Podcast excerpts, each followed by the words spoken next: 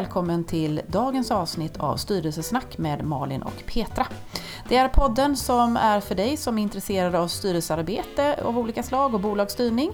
Och eh, Malin och jag, vi är oerhört intresserade av dagens ämne som är innovation. Och då har vi bjudit in två fantastiska gäster som är oerhört kunniga på det här området. Eh, det är Camilla Kuhn Rådberg från Chalmers och så är det Maria Ben Salem Dynehäll ifrån Drivhuset. Ett intressant samtal som gav mig och Malin många eh, nya perspektiv och eh, nya frågor. Eh, mycket tips och råd som vi tar med oss in eh, i våra styrelseengagemang och vi hoppas verkligen att du som lyssnare får minst lika mycket inspiration som vi fick när vi samtalade med eh, Camilla och Maria. Så häng med in i dagens samtal och eh, där vi pratar om eh, innovation. Varmt välkommen!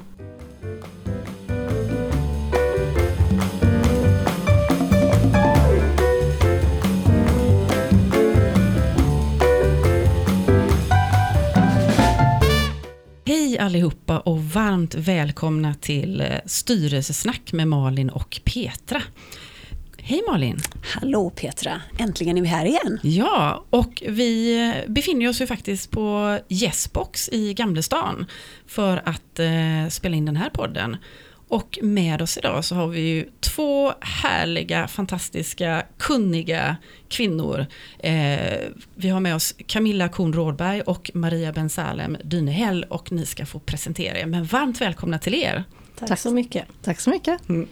Eh, och jag tänker så här då att eh, för att alla lyssnare ska förstå vilka ni är, några känner säkert igen er sedan tidigare, men en liten kort eh, liksom, introduktion eller presentation utav er. Så. Vi, jag tänker att vi börjar med dig Maria.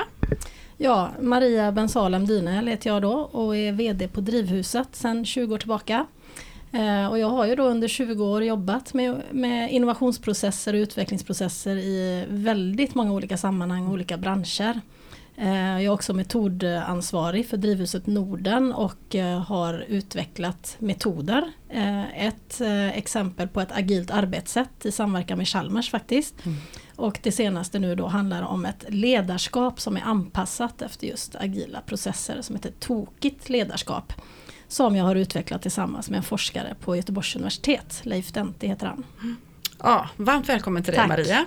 Eh, Camilla, kan du på något liknande sätt presentera dig och, och uh, din bakgrund lite grann? Jag ska göra ett försök. Jag arbetar som forskare på Chalmers där jag forskar inom området Innovation Management och tittar då på hur man organiserar och leder innovation. Främst kanske inte innovationerna i sig. Eh, och har sedan en tid bedrivit ett forskningsprojekt som fokuserar just på styrelser, hur styrelser ser på sin roll eh, för att driva innovation. Eh, och det har framkommit lite efter att ha tittat på många andra processer i organisationer. Jag har också en bakgrund, en industriell bakgrund till skillnad från många av mina eh, kollegor. Så att jag har med mig det praktiska in. Och eh, har även idag väldigt mycket kontakt med styrelser och ledningar i företag. Mm. Spännande, spännande. Eh, Maria, vad, liksom, om du skulle beskriva de bolagen, eh, liksom, vad är det för typ av bolag som du jobbar med storleksmässigt, branschmässigt? Är det alla möjliga eller vad, vad är det för typ av Ja det är väldigt blandat men jag skulle säga att de eh, flesta är ju lite mindre bolag mm. eh, som vi jobbar med. Entreprenörsdrivna mm. eh, mindre bolag. Mm. Eh, men eh, även lite större bolag. Eh, det, ibland i vissa frågor så är det inte jättestora skillnader faktiskt som man kan tro. Mm. Och Camilla, vad har, ni, vad har, du för fokus liksom i det arbete som du gör? Just nu så är jag väldigt involverad i fastighets och byggsektorn där det finns en eh, stor drivkraft till att eh, skapa förändring. Eh, tidigare så har jag varit involverad i både fordonsindustrin men även läkemedelsindustrin men också bank och finans. Och man kan ju se då hur olika utvecklingssteg sker i olika branscher. Så man, mm. ja, det är mycket spännande. Mm. Men jobbar du då i lite mer större bolag och lite mer mognade bolag? Ja, eller? Mestadels, mm. mestadels är det mer mogna företag, alltså etablerade företag skulle jag vilja säga. Så det är inte storleken i sig, mm. utan mer etablerade företag. Och i min forskning just nu när jag tittar på styrelsens roll så är det inte noterade bolag. För där är det, det blir väldigt stor skillnad på noterade bolag och andra. Men annars är det en, just att de är etablerade, det vill säga de har satta strukturer, de har en affärsmodell, de har, det har funkat och rullat på länge. Mm. Eh, och de utmaningar som det innebär. Mm. Okej, men då har vi liksom ändå lite, vi har ju en väldigt stor spannbredd här liksom med era båda erfarenheter och kompetenser. Eh, det här är ju en, en podd om eh, styrelsearbete. Så det är ju med det perspektivet som vi också kommer att titta på frågan om innovation och sådär. Och då tänker jag så här, om jag börjar med dig Camilla då. Eh, för du jobbar ju faktiskt med styrelser mm. och, och forskar på det och mm. tittar på det. Vad är det du ser i din forskning och det, de kontakterna som du har som är kopplat just till innovation? Vad, om du kan bara... Det, det jag ser just nu det är att eh, jag ser att det finns ett stort intresse i många styrelser just kring innovation. Mm. Eh, och det har det funnits en tid. Jag tycker också att jag ser att det sker en förändring mot fokuset på det rent administrativa, kontrollerande. Den rollen som eh, styrelsen har, också till det strategiska, att utveckla den rollen. Eh, jag tror att många har kanske inte riktigt känt det men när man, när man får det presenterat för sig att det faktiskt också finns ett strategiskt ansvar för en styrelse att ta som, eh, som, som, som är faktiskt stipulerad. Men man tänker mest på det administrativa. Att det är inte bara VDn och organisationens ansvar utan det är, det är mer ett vi. Att tänka mer i vi i de här sammanhangen. Mm. Kan inte det där vara lite svårt tänker jag ibland för att någonstans om man går tillbaka till governance mm så är ju ändå styrelsen, styrelsen har ju rätt så tydliga ansvarsområden. Eh, jag tror att alla vill prata strategi och innovation men man har ju ändå en kontrollerande funktion. Absolut, och den är ju jätteviktig. Det, är ju inte istället för, utan det är verkligen både och. och eh, jag, min avhandling handlade just om det här med både och. Och det är precis det man behöver komma till. Och framförallt i den tiden som vi är idag, det här gäller nästan alla sektorer skulle jag vilja säga. Att vi är i en tid med ursäkta mig, en stark teknisk utveckling inom många områden, inte bara digitalisering. Utan det kan handla om material, det kan handla om väldigt många, många andra saker. Globaliseringen fortsätter i snabb takt. Eh, sen har vi eh, hållbarhet som en helt annan sorts utmaning.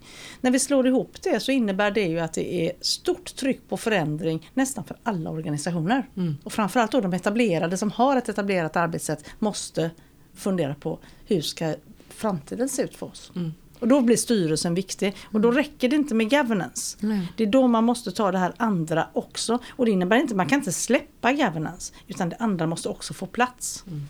Nu, nu använder vi ett ord här, governance, mm. eh, liksom hela styrmekanismen så att säga mm. då. Eh, mm. Så att, att, vi använder, mm. att vi förstår vad vi mm. pratar om här. Eh, Maria, vad, vad, tänker du? Du har ju liksom jobbat med detta i oerhört många år. När du började din bana, liksom, pratade man innovation då? Eller vad, hur, hur benämnde man saker och ting då jämförelsevis nu? Nej, då pratade man definitivt inte om eh, innovation eller entreprenörskap överhuvudtaget. Mm. Eh, det var ju väldigt linjära processer eh, som inte förändrade särskilt mycket skulle jag säga förrän kanske för drygt tio år sedan när man började ändra sina arbetssätt och övergå till mer agila arbetssätt. Ehm, så att ehm, nej, för 20 år sedan så var den här diskussionen obefintlig skulle jag vilja säga. Mm. Och om du tar det liksom till dagsläget då, vad, för, för, du uttrycker ju också då att vi är ett innovationssamhälle. Mm. Eh, vad, vad menar du med det? Nej men vi, och jag skulle väl säga att den här pandemin har påskyndat den förändringen. Vi, vi sa ju tidigare att vi levde i ett kunskapssamhälle. Det var viktigt att kunna mycket saker. I ett innovationssamhälle så måste man också omsätta kunskaperna till handling mm. eh, och ta tillvara på möjligheter som dyker upp. Eller ja, först måste vi ju se möjligheter som dyker upp. Det är, rätt, det är lätt att vi missar möjligheter i det här kaoset vi mm. befinner oss i. Så vi behöver se dem, men vi behöver också omvandla möjligheter till konkreta värden för oss. Mm. Eh, och det här är ju omhuldat av extremt hög osäkerhet, vilket gör det väldigt komplext. Mm. Och där är vi ju tillbaka i det här svåra ur ett styrelseperspektiv, för styrelsen vill ju ofta få bort osäkerhet. Mm. Men vi alla här vet ju att med vi måste driva innovation och då måste vi omfamna osäkerheten. Så den där är ju, det är en svår balansgång. Mm. Och vi människor vi reagerar ju instinktivt och mänskligt med att försöka kontrollera osäkerhet. Mm. Eh, och i den här kontexten så handlar det ju om att minska risk att styra väldigt linjärt. Mm. Alltså vi försöker målsätta någonting som inte går att målsätta. Vi drar upp handlingsplaner men när vi mm. sen eh, börjar arbeta agilt då eh, så kommer vi ju svänga längs med vägen och då svänger vi av våra planer och då blir det då blir det mycket diskussion kan man säga. Mm. Men Vad säger du om det Camilla? Just det, det, du nämner här Maria, att någonting som man bör tänka på tycker jag är att skilja på osäkerhet och risk. Mm. Många sammanblandar dem. Och det, det, om man istället bara tänker sig att man separerar dem. Att vi kanske behöver leva i den här osäkerheten. Då har vi den på ena sidan och så har vi risken där. Vad är det för risknivå vi vill lägga sig på? Man kan ju faktiskt leva med osäkerhet och ha en låg risknivå.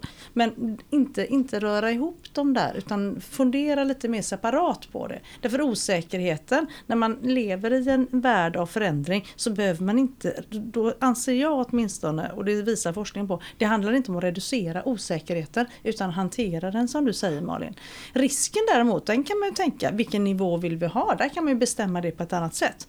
Men att förstå och det här med att omfamna osäkerheten, det handlar om ett lärande. Att börja förstå vad är den och framförallt vad är den för oss? För vår organisation, vad innebär det? Hur ser vår värld ut idag och hur tror vi att den ser ut framöver? Och då kommer det strategiskt in att man måste tänka om, ta det till sig. Mm. Jag tänker på det här med, äh, Maria? Och sen behöver man ju eh, fundera på vilken typ av osäkerhet det handlar om. Man kan ju till exempel skilja på processosäkerhet och innehållsosäkerhet. Innehållsosäkerhet handlar om vad är det den här processen ska leda till, vad ska vi få för resultat. Den typen av osäkerhet måste vi helt enkelt bara acceptera när vi jobbar med innovation. Men processosäkerheten, hur ska vi jobba? Den kan vi sänka så att det blir på en rimlig nivå. Och jag tror att mycket av den här osäkerheten som finns i den här kontexten är för att man inte förstår hur man ska arbeta. Eh, och då blir det lite otydligt och flummigt och konsekvensen blir då att man arbetar som man brukar arbeta, det vill säga ganska linjärt och målstyrt. Mm.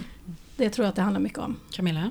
Ja, det, jag, kan bara, jag kan bara hålla med. Och framförallt så det du säger där, det här med att det är linjärt och målstyrt. Och att man också arbetar de här väldigt sekventiella processerna, alltså som exempelvis projekt är organiserade.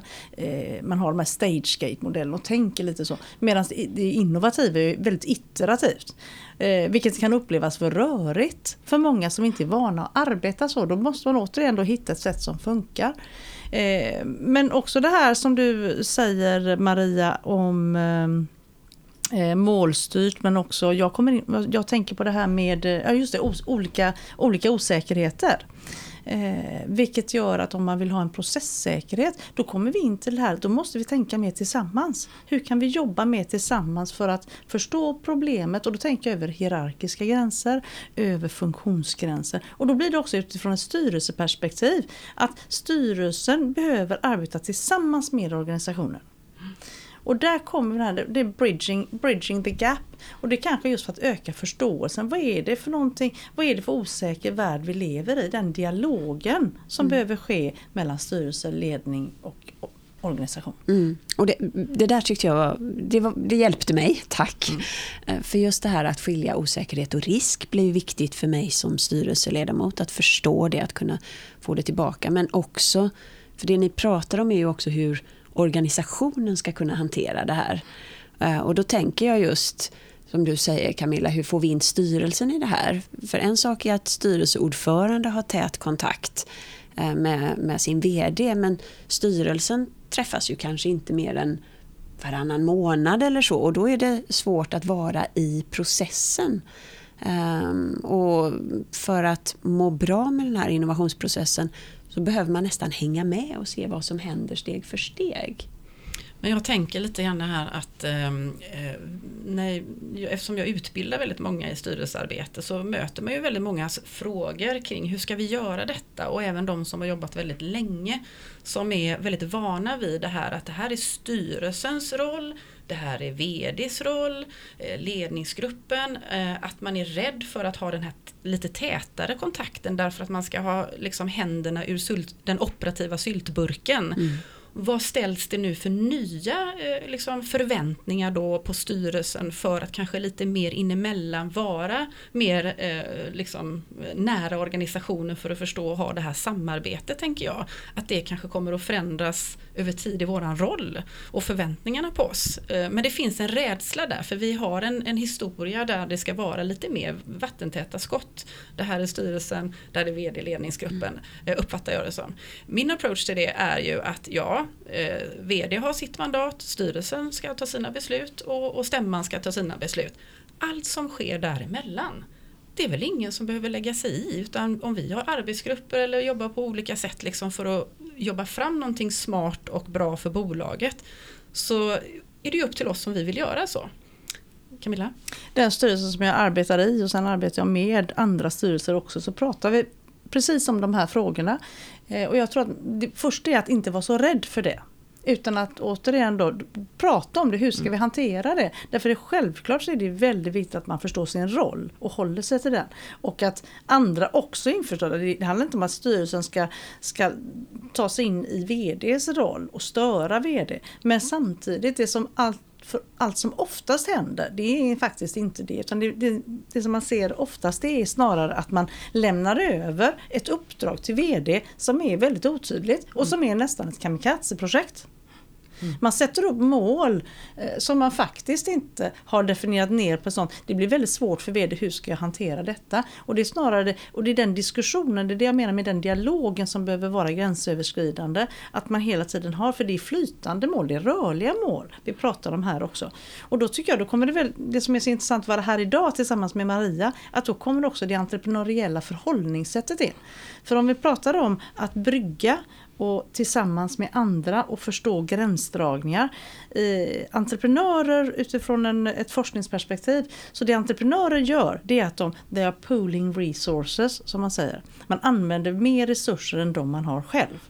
Det är en, ett karaktäristiskt drag av entreprenörer. Man förstår de här resurserna har jag men sen finns det andra.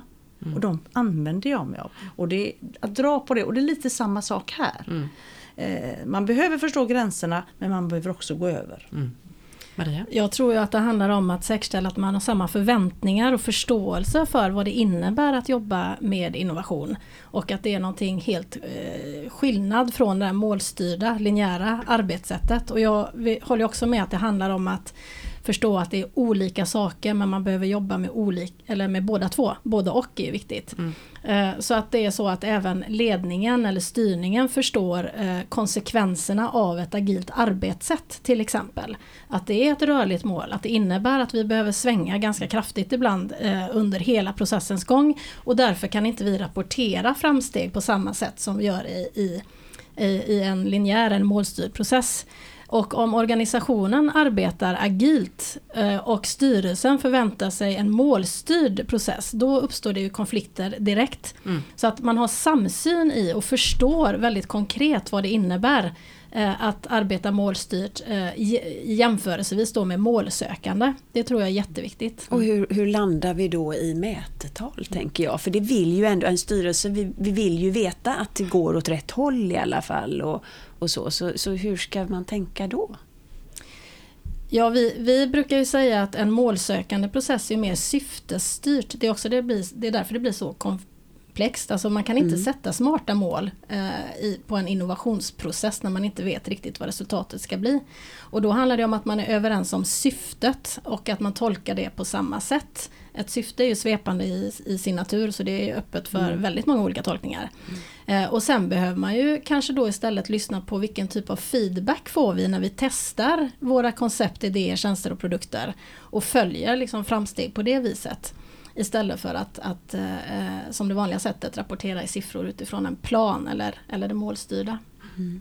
Camilla, vill du säga något där? Ja, när jag, när jag arbetar med styrelser och diskuterar just det här med styrelser, för KPI är ju någonting som vi är väldigt vana av, vi känner oss trygga. Vi vill ha det också för att mm. mäta och förstå eh, verksamheten. Samtidigt som man kanske här, här behöver man verkligen tänka annorlunda. Vad är ett KPI i det här sammanhanget? Mm. Eh, det är inte alls på samma sätt, utan precis som du sa eh, Malin, hur går det? Mm. Den, den frågan, man kan ha massa mätetal men man måste framförallt ha diskussionen. Eh, ta att det är ett projekt till exempel. Första frågan är, hur går det? Mm. Och då är det snarare en berättelse kring det. Och sen när man frågar, jaha, har man fått reda på hur personen eller projektet anser att det går? Och sen kommer ju följdfrågan, ska vi fortsätta? Det, så att även om du inte kan sätta KPIer som gör att du kan besluta om fortsättning så kan en diskussion leda fram till att ja, det är värt det är värt de här resurserna att fortsätta ett tag till så får vi se vart vi kommer. Och så blir det tydligare och tydligare. Mm. Det är en resa. Man ska packa sin resväska och man ska ut på en resa. Mm. Men jag tänker här handlar det ju väldigt mycket om inställning, attityd, att man är öppen också för att andra liksom kan hjälpa mig att förstå vad, vad handlar det här om och om jag själv inte liksom kanske har den bakgrunden. Eh, jag tänker så här, eh, om vi har ägare som har bestämt sig för eller kommit fram till sitt ägardirektiv. De inser det att vi kan inte hålla på med den befintliga verksamheten i all evighet. Det har varit väldigt bra för oss, det har varit lönsamt. Vi inser att vi behöver göra, eh, och så, så säger man, innovation för att vara relevanta i framtiden. Så bibehåller man sin styrelse som kanske i sig inte har träning i de här olika delarna utan vi är mer tränade i det, i det klassiska styrelsearbetet med mycket mål, uppföljning och, och, och kanske vissa specialistkompetenser och sådär. Eh, hur ska en ägare tänka? för jag tänker, vi kan ha en organisation då också som antingen är träna, eller som kan någorlunda liksom de här olika delarna med agilitet och, och ledarskapet i det, men en styrelse som är oförståelse, oförstående. Eller så kan vi ha en väldigt förstående styrelse med en omogen, innovationsomogen VD och ledningsgrupp och organisation. Förstår ni liksom hur, vad är, så? Hur ska man tänka? Eh, jag tänker både som ägare att sammansätta sin styrelse, för, för det börjar ju där. Men också sen då för styrelsen liksom att hjälpa organisationen om man själv är otränad. Vad har ni för tankar kring det? Många tankar. Eh, nej men, eh, kort sagt så handlar det om att snacka ihop sig tänker jag och det är ändå viktigt att man eh, från ledningshåll eh, visar är lite förebild och trycker på. Det är mycket, det är mycket eh, mer effektivt och kanske enklare än tvärtom skulle jag säga. Det är ett större problem eh, om det är så att organisationen förstår processen och hur man behöver arbeta men inte får den förståelsen i styrelsen och ägarna. Mm. Eh, det är en större utmaning. Eh, men, men, och utifrån ett styrningsperspektiv så handlar det ju om att visa väldigt mycket, inte bara säga utan också följa upp med handling. Mm. Ehm, för att det ska bli trovärdigt. Det här handlar ju om trovärdighet och trygghet. Alltså mm. vi vill skapa trygghet i osäkerheten men vi vill inte skapa bekvämlighet, det är två helt olika saker. Mm. Och trygghet bygger mycket på hur styret agerar. Att, att det blir trovärdigt. Mm. Eh, någonting som jag också möter på ganska mycket det handlar ju om det här med definition eller samsyn. När vi, för vi slänger oss med ordet innovation. Och så kanske vi menar massa olika saker med det. Så jag tänker åter tillbaka, jag tror du var inne på det Camilla, att prata med varandra. Har vi samma syn? Vad, vad, vad, vad laddar vi ordet innovation med? Och kanske börja där. Eh, för att sedan liksom jobba vidare med det. Eh, jag tänker också så här, eh, om man då har kommit fram till liksom, ja men vi behöver mer jobba jobba innovativt än, än det vi gör idag. Och så eh, är, har vi liksom våran strategi som bygger på liksom att vi ska jobba med innovation. Eh, och så är den här, tycker jag då lite klassiska, Ja, vi har några stycken här som är lite nyfikna i vår organisation. Vi låter dem jobba vidare lite grann men resten får göra precis det som de brukar göra och så det är intressant i början och alla är lite nyfikna. Så. Men när det har gått ett tag så känner den här gruppen liksom så här, det är ingen som fattar, det är ingen som förstår. Vilka är vi i det här? Och de andra, liksom, vilka är de där som jobbar på ett annat sätt och som inte alls behöver vara i samma strukturer och processer och, och målsätta som vi gör. Vad har du för tankar där Camilla? Det, det, är nästan den största faran av alla att tro att det är någon annan som ska göra det. Och framförallt är det när man ser organisationer där du har en, en innovationsavdelning. Då, då tycker jag då, då bör eh, saftblandaren gå igång lite och fundera på vad är det de ska göra göra och vad är det då de andra ska göra? Vad innebär det? Eh, det vill säga, det är man kan absolut ha ett, en, en avdelning eller en enhet som, som driver, tar fram nya processer och tankar och föder in. Men ansvaret ligger på hela organisationen. Därmed inte sagt att nu ska alla vara innovativa och de som inte känner sig innovativa kan lämna organisationen. Absolut inte. Utan det är ju snarare de här nya processerna som måste till. Hur man tänker kring förnyelse och då kommer vi till ledarskapet det landar på ledarskapet och ledarskapet kan ligga på flera nivåer. Eh, men det är ett ledarskap och det är en långsiktighet för det här är ingenting. Det, det är som en vanlig förändring och det här är ännu större. Det är stora förändringar. Det kommer inte direkt. Mm. Det tar lång tid och det är det här och återigen om vi går tillbaka till vad vi kan plocka från det entreprenöriella. Det är den envisheten. Man ger inte upp. Det mm. ligger också väldigt mycket mm. i det entreprenöriella. Man försöker om och om igen på lite olika sätt. Men att ha det långsiktiga perspektivet och därför tror jag man kan se det i bolag där det finns en ägarstruktur och ett, eh, en ledning där man har med sig det långsiktiga, är van att få ha med sig det långsiktiga och strategiska och arbeta med det. De har lättare att mm. göra detta jämfört med om man inte är van vid det. Mm. Och då tycker jag att jag hör, också kopplat tillbaka till vad Maria sa tidigare, att det handlar väldigt mycket om att skapa en trygghet att jobba i ständig förändring. För att ibland kan jag känna, jag som liksom vi alla här har jobbat väldigt mycket med innovation, eh, så blir innovation ett lite hajpat ord också. Och man kan känna precis det här du är inne på Camilla, att någon känner, ja men får jag fortfarande vara med, jag är inte så innovativ. Så att någonstans skapa den här tryggheten att vi jobbar mot en positiv förändring. Och då är vi ju inne på ledarskapet. Inte att vara bekväm men att det är inte bara okej okay att vilja förändra till det bättre utan också väldigt påhejat och, och, och någonting som vi alltid gör och att det inte är farligt. Maria? Precis, och jag, jag, tror att det handlar väldigt mycket om att konkretisera precis vad innebär eh, innovation för oss. Jag fick den frågan senast igår faktiskt av eh, tre konsulter som eh, är i ett traineeprogram just inom fastighetsbranschen faktiskt. Ja, jättespännande. Och, känner jag säkert. Ja, det var den första frågan jag fick. Vad är innovation? Och mitt svar var det beror på vem du frågar. Mm. Och det är likadant med agilt. Vad är det egentligen? Mm. Eh, och det finns väldigt många olika tolkningar. Och så länge vi har olika tolkningar så kommer vi att springa åt lite olika håll. Mm. Och vi blir också rädda mm. när någon annan har en annan tolkning. Mm. Eh, så att, att gå från vad till hur tror jag är en nyckelfråga. Och jag håller också med om det här att springa i två olika spår, det funkar inte därför att vi måste samarbeta mellan det målsökande och det målstyrda. Därför att de här processerna pendlar lite i arbetssätt. Vi kanske inleder målsökande men när vi kommer fram i processen så kanske vi behöver ändra arbetssätt eh, och övergå till det målstyrda och då måste vi förstå varandras arbetssätt och mm. tillsammans komma fram till när vi behöver växla fokus. Så de här stuprören eh, motverkar ju faktiskt potentialen att faktiskt nå eh, nya spännande innovativa mm. lösningar. Mm. Och där har du tankar också Camilla. Och, och, och, vad jag tror, bara för att se att jag har förstått det rätt Maria, så, så handlar det om att skapa den här förståelsen, tryggheten och där tillbaka då till styrelsens roll. Mm. Då, då är det ju styrelsens uppgift att se till att VD och ledning känner en trygghet i att fortsätta att positivt experimentera, rita de här storiesarna som du pratar om Camilla.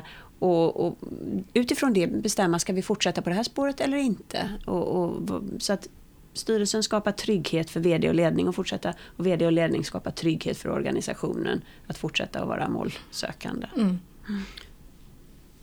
Camilla? Jag, jag skulle vilja fortsätta lite på det du var inne på där tidigare Malin, att man har en, i en etablerad organisation, du har en fungerande affär, och organisation och det går ganska bra. Man känner ändå på sig att vi behöver förändra det här så det händer väldigt mycket inför omvärld och vi vet inte hur. Vad gör vi? Ska, ska allting ändras. Mm. Och där behöver man kanske jobba mer, mycket med det som man kallar på ja, ett akademiskt språk eh, eh ambidextrous organizations. Alltså man behöver både vara utforskande, explorerande och sen fortfarande tänka väldigt mycket effektivitet. Eh, och på amerikan, det engelska språket har ju effektivitet, där har vi två ord, alltså både effectiveness och efficiency. Och det här nya då, alltså, eh, vad är effectiveness? Alltså göra, göra rätt saker. Och först handlar det om att göra rätt saker innan vi gör dem på rätt sätt. Mm. och där behöver man då, så att den, den, det etablerade, det som redan finns, som också är bread and butter, alltså det är mat på bordet. Det måste man fortsätta arbeta med samtidigt som man börjar växla över, lägga resurser på det nya. Och det är här det kommer in med ledarskapet. Därför att någonstans så alla organisationer finns det en kamp om resurser. Mm. Och för att du ska få rätt resurstillsättning och ha den diskussionen som oftast då landar i KPI eh, att man då utvärderar så att vi också sätter resurser på det här utforskande nya som vi inte vet vad det är. Men där tänker jag ju att det finns en rädsla eh, just för det här att eh, om vi tar styrelsens perspektiv återigen då att vi ska vara aktsamma om bolagets resurser. Eh, det gör ju också det att visst vi kan satsa på någonting men vi måste också utvärdera om det var rätt satsat. Eh, och då tänker jag just, det kanske är lättare i vissa saker som vi känner till.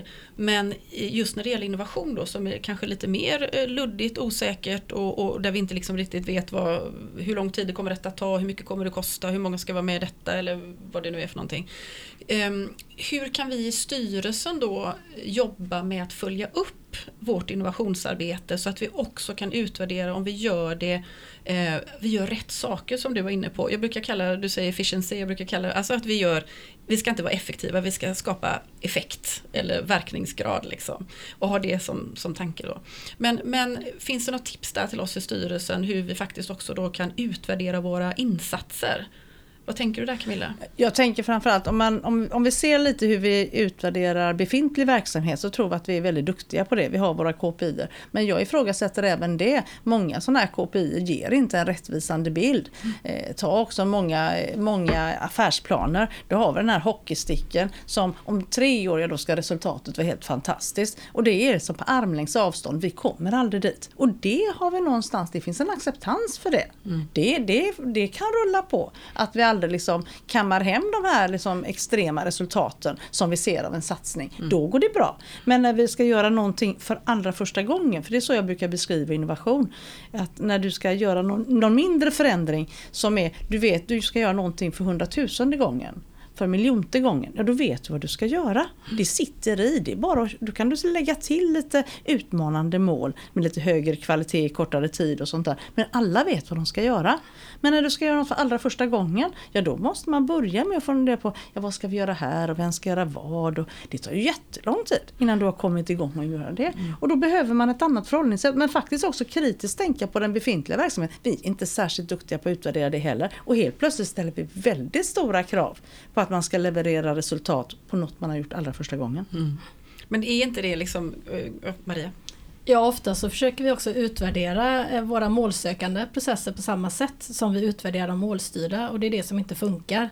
Och det som också är utmanande det är ju att vi kan inte veta vilka aktiviteter som är värdeskapande. Vi har ingen aning Eh, Eh, och att ha den förväntan är orealistisk. Så vi behöver ha en väldigt djup förståelse för processen och mäta den. Hur många interaktioner har vi gjort med våra kunder till exempel?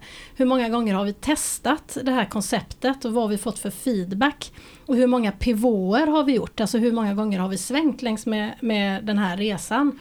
Det är en helt annan eh, process än det målstyrda och därför måste vi mäta andra saker för att se att vi kommer framåt. Mm. Camilla? Nu, nu kommer jag, tappade jag bort mig här, så jag återkommer när jag, jag kommer på vad det var för någonting. Tankarna, tankarna bara virvlar här. Jag har en helt, apropå något, något helt annat. För återigen, styrelsen som ju är en grupp människor och, och vi pratar om att i målsökande processer, i innovation, i nytänkande så är det bra att ha olikhet och en dynamik i gruppen.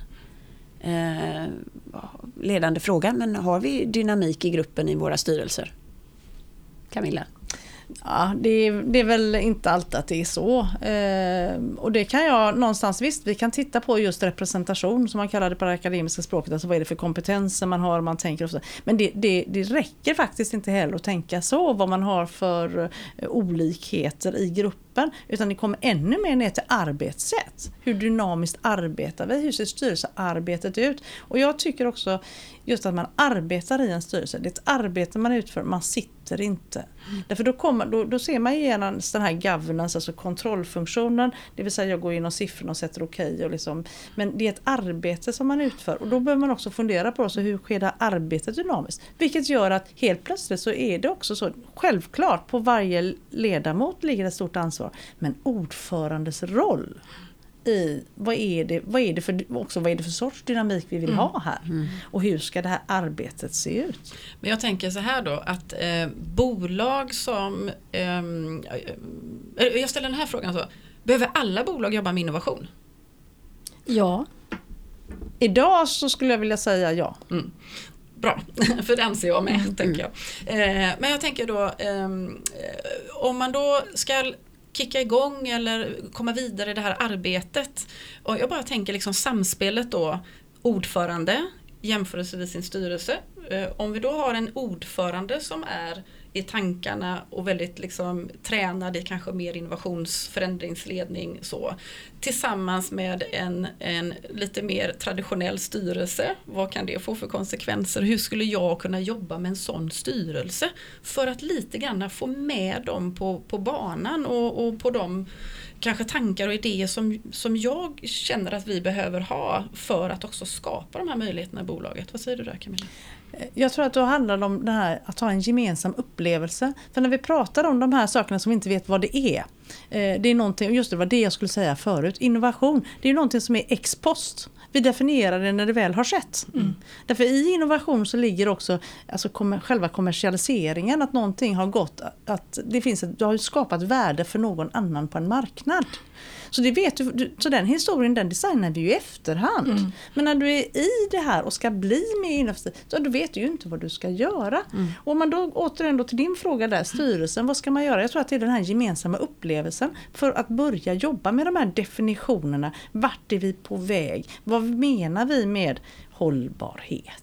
Vad är det för oss? Det är en resa. Så jag tror om man bara går tillbaka och spanar lite vad vi gjorde kanske lite väl mycket på eh, 90-talet, 80-talet. Men att göra gemensamma studiebesök, resor, uppleva saker tillsammans. Eh, Det räcker inte att en är ute och gör en spaning utan man behöver göra det tillsammans i styrelserummet. Och kanske med ledning, alltså nyckelpersoner och kanske även externa personer. Eh, Det tror jag. Och jag tänker, jag håller verkligen med att det handlar om att ha gemensamma definitioner och gemensamt förhållningssätt och förstå varför vi ska jobba med det här. Eh, och det är väldigt riskfyllt att jobba med innovation. För att man måste också ha en tolerans för misslyckande på ett helt annat sätt än vad man kanske har när man jobbar målstyrt där man inte tolererar misslyckande. Därför att det funkar bara så att allt, allt kommer inte bli perfekt. Vi kommer misslyckas kanske nio av tio gånger men den där tionde gången kommer eh, eh, vara kanon. Liksom. Mm. Men det man inte pratar lika mycket om det är risken att inte jobba med innovation. Och många skjuter det här framför sig. Nu tror jag kanske att eh, det, det kan vara en positiv effekt av pandemin att väldigt många fler har insett Oh my god, det kan hända saker väldigt snabbt. Vi måste sätta igång de här processerna för precis som du säger, det tar väldigt lång tid. Eh, Men väldigt många har det ju gött. Ja men det funkar, vi är lönsamma, vi tjänar pengar. Eh, Ja, innovation är lite otydligt och vi vet att vi behöver jobba med det men vi behöver kanske inte göra det precis just nu. Och så går åren och rätt som det så händer det någonting. Världen förändras väldigt, väldigt snabbt. Så den där affärsmodellen som var lönsam igår funkar helt plötsligt inte. Och det om något har ju pandemin eh, bevisat. Men hur tränar vi vår organisation då som är kanske lite mer otränad? Och, eh, jag tänker också en annan sak det här med att vi har våra kopior som ganska mycket är eh, format ut efter våran befintliga affär. Och den affären vi kanske haft väldigt länge. Och så som vi styr så får vi ju också liksom, eh, det är ju så folk också agerar. Och där vi är ganska duktiga på att kanske då lägga till saker. Vi tar inte bort grejer. Så vi bibehåller mätningen eller uppföljningen på det gamla och lägger till på det nya och så sitter vi som fågelholkar och tänker varför händer det ingenting på det, varför flyttar vi inte så himla snabbt på det nya? Vad har ni för tankar där? Ja, Camilla? Nej, men det är väl återigen det här om du gör någonting för hundratusende gånger eller för allra första gången. Om du skulle flytta ut allting på gården. Ut med alla grejer i företaget och alla människor. Och så säger nu ska vi starta det här bolaget. Vad plockar du in? Vad plockar du in för människor? Vad plockar du in? Och kanske inte just individer då, utan jag tänker mer på kompetenser. Eh, vad plockar du in för kompetenser? Vad plockar du in för resurser? Vilka kopior kommer du använda då? Och helt plötsligt så ser man att det är ganska mycket som står kvar ute på den där gården. Som blir som sailen. Men då undrar jag så här, när man gör det ett, är det då styrelsen som ska ta det initiativet och vem ska de jobba med det? Med VD och ledningsgruppen för att jag tänker att det finns en rädsla att bli ställd på gården. Men du ska ändå ha diskussionen. Vem, vem äger diskussionen? Vem äger den tänker du? Ja det är ju i alla fall, jag, jag, tycker att styrelsen har ett väldigt stort ansvar för då återigen då visar man på hur långsiktig är man, vad menar man med att vi måste bli mer innovativa och förändra, mm. man menar allvar. För det är också så att sätta eh, ledningen, VD i den situationen att men nu har vi en strategi här, vi ska bli mer innovativa Samtidigt då som allt det här andra ska levereras och sen så vet VD om att ah, men det är de vanliga KPI som de sen följer upp med det som grundar min bonus. Och det, det andra så, ah, men det var lite kul. Mm. Eh, menar vi allvar med det? Och där måste styrelsen visa det, att det är precis lika värdefullt. Mm. Eh, och det är viktigt. Mm. Det är viktigt för oss. För det här med att vad är alternativet som du säger Maria? Jag brukar när jag, när jag prat, har ehm, eh, dragningar för styrelser och när jag arbetar i styrelser så brukar jag säga när, när man säger, men det är för riskfyllt detta och det är så osäkert och vi vet inte vad vi ska göra. Nej, då kanske vi inte gör någonting då. Är det ett bra alternativ? För då står vi ju kvar på perrongen. Mm. Tåget går. Mm. För det här också med, man kan prata om innovationsinitiativ som misslyckanden. Jag gör ogärna det. Jag tycker så att man ser det som en läranderesa. Och då lär man sig successivt, man fyller på. Man fyller på resväskan. Mm. Vad ska vi ha med oss i mm. väskan? Mm. Men det är ju egentligen den andra delen av det. Att också våga ta upp och diskutera och inte begrava misstagen. Och där kan jag väl känna att där är det återigen tillbaka till styrelsen. Att styrelsen har bäddat för en sån trygghet så att man som, och det är en av mina käpphästar också, att vd vågar vara, och ledning såklart, vågar vara transparent och vågar säga, nej det här flög inte och vi har lärt oss det här mm. och det här gör vi annorlunda nästa gång. Mm. Jag tror också att, eh, jag håller verkligen med att det handlar om ett lärande. Men man tolkar det som ett misslyckande. Mm.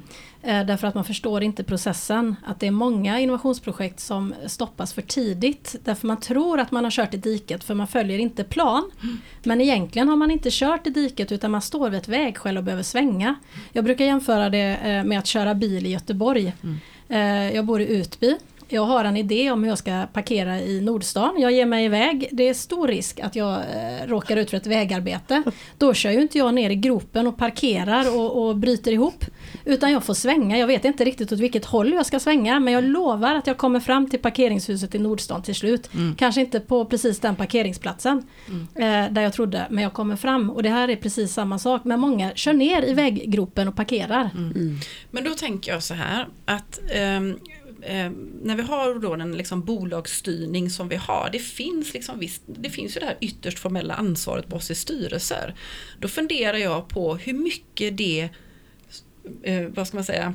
Hämmar? Hämmar, ja, hämmar. Jag tänkte säga våt filt. Men ja. alltså faktiskt hämmar eh, liksom styrelsen att våga vara modiga, att våga eh, tänka att vi inte misslyckas utan vi lär oss och tränar oss. Det, det, liksom, det är investeringar vi behöver göra. För vi är så eh, tränade i att vi ska minimera risk, det ska vara så effektfullt som möjligt, vi ska inte spilla resurser och, och, och ineffektivitet och, och, det är lönsamhet och marginal och sånt där. Vi är så tränade i det. Eh, så jag tänker liksom det att är våran svenska bolagsstyrningsmodell och vårt ansvar i styrelsen hämmande för innovation?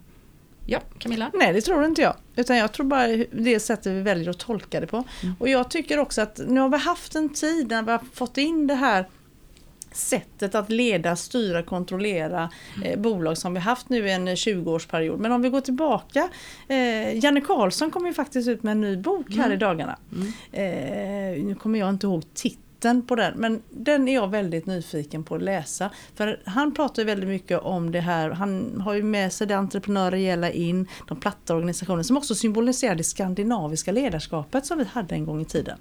Eh, där vi inte hade arbetsbeskrivningar som var sida upp och sida ner. Utan man fick sig en roll. Och när man började jobba i organisationen så skapade man sig rollen. Det vill säga det var lite flyttande. Vi pratade inte om headcount i specifika eh, funktioner och det går inte att byta mellan. Folk kunde flytta lite runt och då lära känna affärsmodellen och organisationen på ett helt annat sätt och bära med sig, då får vi det här med lärande. Mm. Men också det här platta organisationer som innebär att du också har den här dialogen över de hierarkiska gränserna, inte bara funktionsgränserna, nu sitter jag här och viftar med armarna, men inte bara eh, horisontellt i organisationen utan också vertikalt. Mm. Som gör att man känner vad är, vad är, vad är våran eh, affärsidé? Så att man får med sig de olika nivåerna och får den dialogen. Så styrelsen sitter annars ganska ensamma där uppe. Mm. Men det är ju samma sak verksamheten när många tycker att nej men nu har vi bestämt strategin här, nu är det verksamheten som ska komma med driva detta. Jag tycker det är ganska orättvist. Mm. Mm. Utan det är ju tillsammans. Men du, om vi kopplar detta till någonting som, som jag fastnade på som du sa i inledningen av det här samtalet. Eh, när vi pratade om styrelser och innovation och i olika bolag. Du pratade om att ja, det här kanske inte är relevant för de största eller de noterade, om jag förstod det rätt, bolagen. Hur, jag vet inte. Kan... Jag sa nog inte att det var, inte var relevant utan mm. jag valt att inte studera dem därför att det är svårare. Okay. Om man skulle studera men Kan du säga några sakerna. ord om det ändå? För det är många som ändå... Absolut. Nej, men jag, det är ju minst lika viktigt där. Mm. Absolut. Mm. Men om man skulle göra en akademisk studie som jag har gjort då, mm. då måste man separera det. Yeah. Eh, men det är ju precis lika självklart där och då kommer ju också det här. Man, vi, vi, kan ju titta lite på eh, när vi tittar på framgångsrika organisationer så har de ofta starka ledare som också är ganska entreprenöriella entreprenöriella av sig. Mm. Även i de stora bolagen. Mm. Man pratar om det corporate entrepreneurship till mm. exempel. Va? Att man måste behålla den entreprenör, för det är det som ligger i hela affärsdrivandet. Vi kan fastna i de här. Och det är också så, många av våra stora bolag, de är inte lätta att, att leda. De kan vara lätta att styra men de är inte lätta att leda. Och då kommer det här, det är ett ledarskap som mm. behövs eh, i osäkerhet. Men jag tänker där liksom att som en styrelse så har vi ju liksom, vi är ju ett team eller en grupp som ska eh, liksom kollektivt egentligen leda. Eh, så. Och, och, vi är ju inte så synliga oftast. Det, ju, det, kan ju se lite olika ut naturligtvis då och där kanske mer styrelseordförande möjligtvis är mer synlig för att man träffar VD och kanske andra liksom, kontaktytor så men inte ledamöterna. Så där tänker jag också liksom då hur, hur man som styrelse behöver uppfatta sitt uppdrag och kanske då eh, när man liksom kanske sitter en gång per år och utvärderar sig själv eller åtminstone tittar liksom lite grann. Vad är det vi ska göra nästkommande år? Vi begär från organisationen att de ska eh, kanske eh, ha, ta fram en affärsplan medan vad gör vi i styrelsen? Hur ska vi ta oss an det som är kanske det kommande året? För vad är våran plan? Eh, så. Maria, jag tänker jag tar Maria först. Båda vinkar ju här så att... Eh, Eh, nej, men lite återkopplat till det som du sa tidigare att man måste ju inse att man är en av de befintliga resurserna för mm. processen. Det var det du pratade om. Det, det är ju, eh, effectuation heter ju den modellen Sara mm. Sarasvat. Det är att mm. Eh, ett av kriterierna för ett agilt och innovativt arbetssätt är att man utgår från befintliga resurser och svårigheten är att synliggöra alla befintliga resurser men där är ju styrelsen väldigt väldigt viktig mm. med de kompetenserna och de perspektiven som styrelsen har. Mm. Så att man är ju faktiskt en del i innovationsprocessen och det behöver man ju förstå och inte separera sig från den precis som du sa och tro att det är någon annan som ska fixa. Mm. Det tror jag är väldigt viktigt. Så det är ett synsätt egentligen som mm. vi behöver liksom adaptera. Mm. Jag tänker också på om man tittar på ledamöter i styrelser, hur väl känner vi bolagen som vi arbetar med? Mm. Att ha det, det med sig också, att också våga, våga som styrelseledamot säga, nej men jag vill, jag vill eh, involvera mig för att lära känna, inte för att jobba och inte för att störa organisationen, mm. utan för att förstå den. Mm. Så att jag kan ta mitt, min roll i styrelsen på ett bättre sätt. Så att jag verkligen förstår vad är skillnaden i den här verksamheten jämfört med kanske andra liknande. Vad har de för kapabiliteter, eh, strategiska förmågor som vi kanske kan utveckla eh, för att få en bättre bättre konkurrenskraft. Mm. Och den måste jag säga att den tycker jag, jag håller helt med. Uh, och den tycker jag har blivit mycket, eller för mig har den varit mycket svårare det senaste året. För att göra det här på distans. Uh, det tycker jag är, är, i princip omöjligt. Därför att det handlar så mycket om att vara fysiskt där, att känna, har vi en, en innovation, har vi en förändringsresa på gång här? Att man, man ser engagemanget. Så att det det ser jag fram emot i styrelserummet. Att, eh, och i, i, utanför styrelserummet, mm. men i verkligheten. Att mm. få komma tillbaka och, och, och jobba och, och touch and mm. feel. Mm. Jag har två dilemman. Som jag gärna bara skulle vilja ta eh, innan vi eh, kanske skiljs åt idag. Mm. Det ena dilemmat det handlar om att eh, vi har en, eh, en organisation eh, som är ganska framåtlutad. De är nyfikna på innovation, de vill väldigt gärna. Eh, vi har en, led, alltså en VD som, som vill väldigt mycket, vi har en styrelse som vill. Och sen har vi delägare som är operativa. Som eh, har kanske liksom är rädda om liksom det som man har byggt upp eh, och sen när man liksom går in i den operativa verksamheten så är man kanske några utav dem som är ambassadörer för det gamla och som inte är lika på på det nya. Hur ska man liksom som ordförande eller styrelse få med sig ägarna tänker ni? Camilla?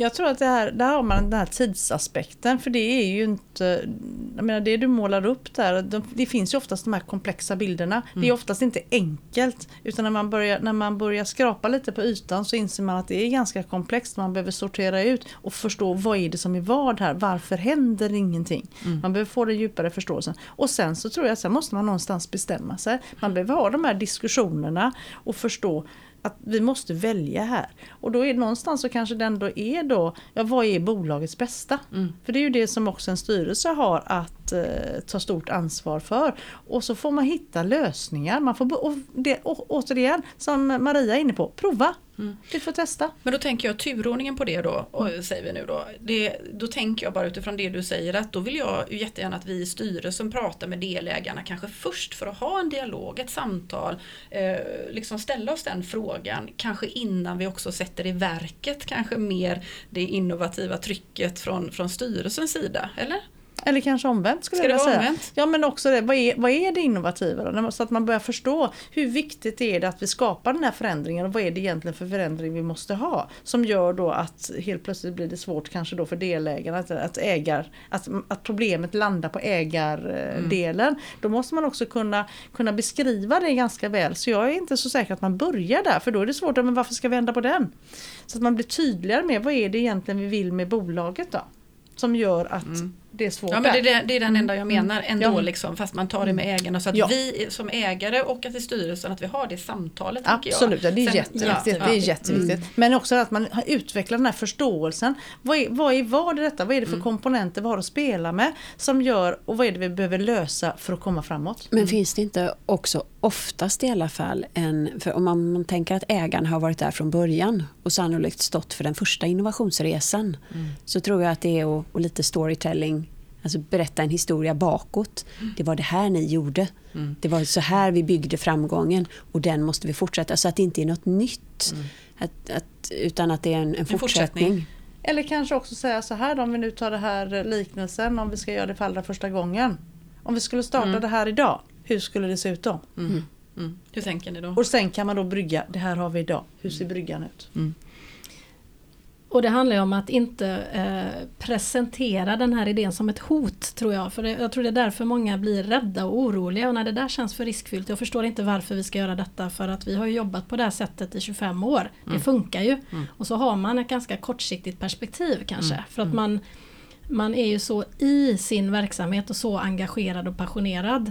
Eh, Så att, att, att presentera det som en möjlighet tror jag är viktigt. Eh, Och jag håller verkligen med om att den här förankringen är ju superviktig. Annars så kommer det bli konflikter mellan styrelse och ledning, eh, eller ägare skulle jag säga. Vi måste skapa en gemensam förståelse för vad det är vi ska göra och varför vi ska göra det. Jag har faktiskt ett dilemma till. Eh, vi har eh, ägare och, eh, som, som har insett liksom då att amen, vi, vi behöver faktiskt eh, gå in i framtiden med att tänka lite annorlunda och jobba mer agilt och jobba med innovation och, och utveckling och utforskande och sådär. Eh, man sammansätter sin styrelse eh, med att det, vi, vi, liksom, vi har några som har varit med oss ett tag men vi kommer också koppla på lite eh, andra personer och kompetens och kunskaper kring det. Eh, så det här har ägarna gjort och man har en samsyn med styrelsen om vad, vad är uppdraget. Och så ska styrelsen börja jobba. Och så stöter man på patrull med VD. Eh, och en av våra viktigaste uppgifter är ju faktiskt att vi har en ledning som möjliggör det som vi ska, den, alltså den resan vi ska göra fram, framåt så att säga och kunna leda den resan framåt. Och det här är en VD som har varit i, i bolaget i 20 år. Men vill inte. vad tänker man, hur tänker man då? Och vi har ägare till exempel som, ja ah, men det där är en bra person. Har ju varit med oss länge, en i familjen. Camilla, vad tänker du? Jag tänker då kommer man ju till den här om man då går, eh, använder sig av medarbetare, den stora organisationen, använder det som en kraft.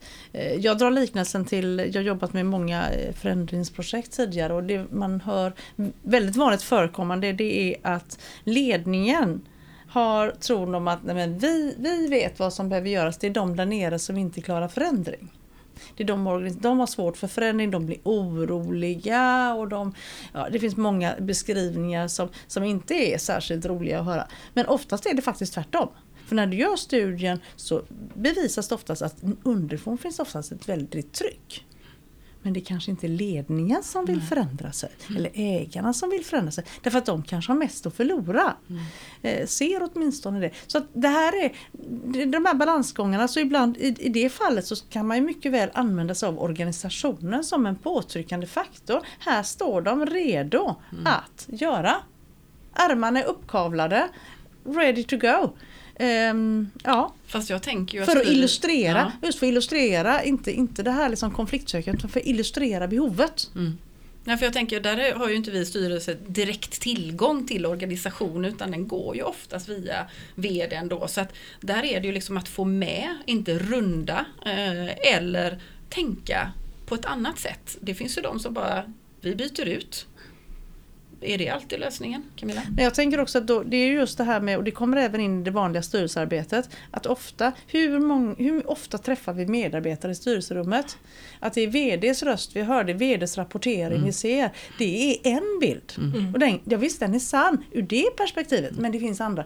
Så jag är väldigt mycket en vän av att bjuda in andra i rummet så att du får organisationens röst in där. Och mm. då kan man börja liksom se de här sakerna och kanske jobba med det i tid. Malin? Ja, och där tänker jag också att eh, vi har ju pratat en del om om det går eller inte går att mäta eh, innovation och, och, jag är övertygad om, eller jag vet att det går. Och ett sätt i, ur ett styrelseperspektiv det är att se till att i medarbetarundersökningen, den åtminstone årliga, peta in en fråga om hur man uppfattar innovationsklimatet. Mm. För då har du någonting sen att prata med VD om. Mm. Eh, och också kanske stötta VD, att det inte är VD själv som behöver bära facklan utan liksom, kan det finnas några andra. Men mm. det är precis som du säger Petra, att vi kan ju inte runda VD och ut och, och kommunicera själva. Nej. Svårt. Mm. Och sen handlar det om att förstå varför det finns ett motstånd hos VD, tänker jag. VD är också en människa. Såklart. Eh, som kanske är osäker och, och, har inte jättemycket erfarenhet av innovationsprocesser och vad det betyder och mm. inte, inte känner sig redo att ta det ansvaret. Mm. För man vet inte riktigt vad det innebär. Mm. Så jag, jag, tror att man också behöver eh, gräva lite djupare i Eh, för att få förståelse för varför vill man inte. Mm. Och där tänker jag att ordföranden har en väldigt viktig roll väldigt. för att gräva i det. Och, och har man liksom, eh, vill man men inte har verktygen då kan man ju hjälpa till att fylla på. Mm. Eh, men det finns ju också andra krafter som styr där man varken vill eller vill utvecklas i takt med, med det som behövs. Och då kanske man får en helt annan diskussion. Ja. Jag tänker också att man kan använda, där finns också den här att använda styrelsen som kompetenser i arbetet. Också för att din VD inte ska känna sig så ensam. För jag är ju väldigt mycket för det här, och det har ni förstått nu, det här tillsammans. Men för, för, då känner man en trygghet. Är man trygg så vågar man. Och det är det här att våga. Och då har man det, så man kan också använda sig av styrelseledamöterna. Jag menar, tänk på den tanken som du säger Malin, innovationsklimat, en fråga i medarbetarenkäten. Ja, den visar inte så bra. Nej, då gör vi kanske lite små intervjuer. Och det är kanske ett par styrelseledamöter tillsammans med några i ledningen som träffar lite personal och har de samtalen så får man upp det. Och det är inget anklagande mot VD.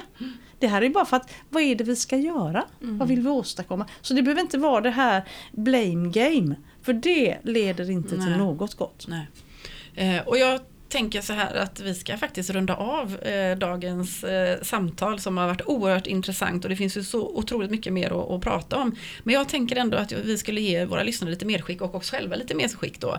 Eh, om man nu har, eh, sätter sam eller liksom, har sitt styrelsemöte då, vad skulle vara en bra tågordning eller agenda i ett styrelsemöte? Vad ska vi liksom lägga fokus på då för att liksom eh, vad är en innovativ eh, styrelseagenda?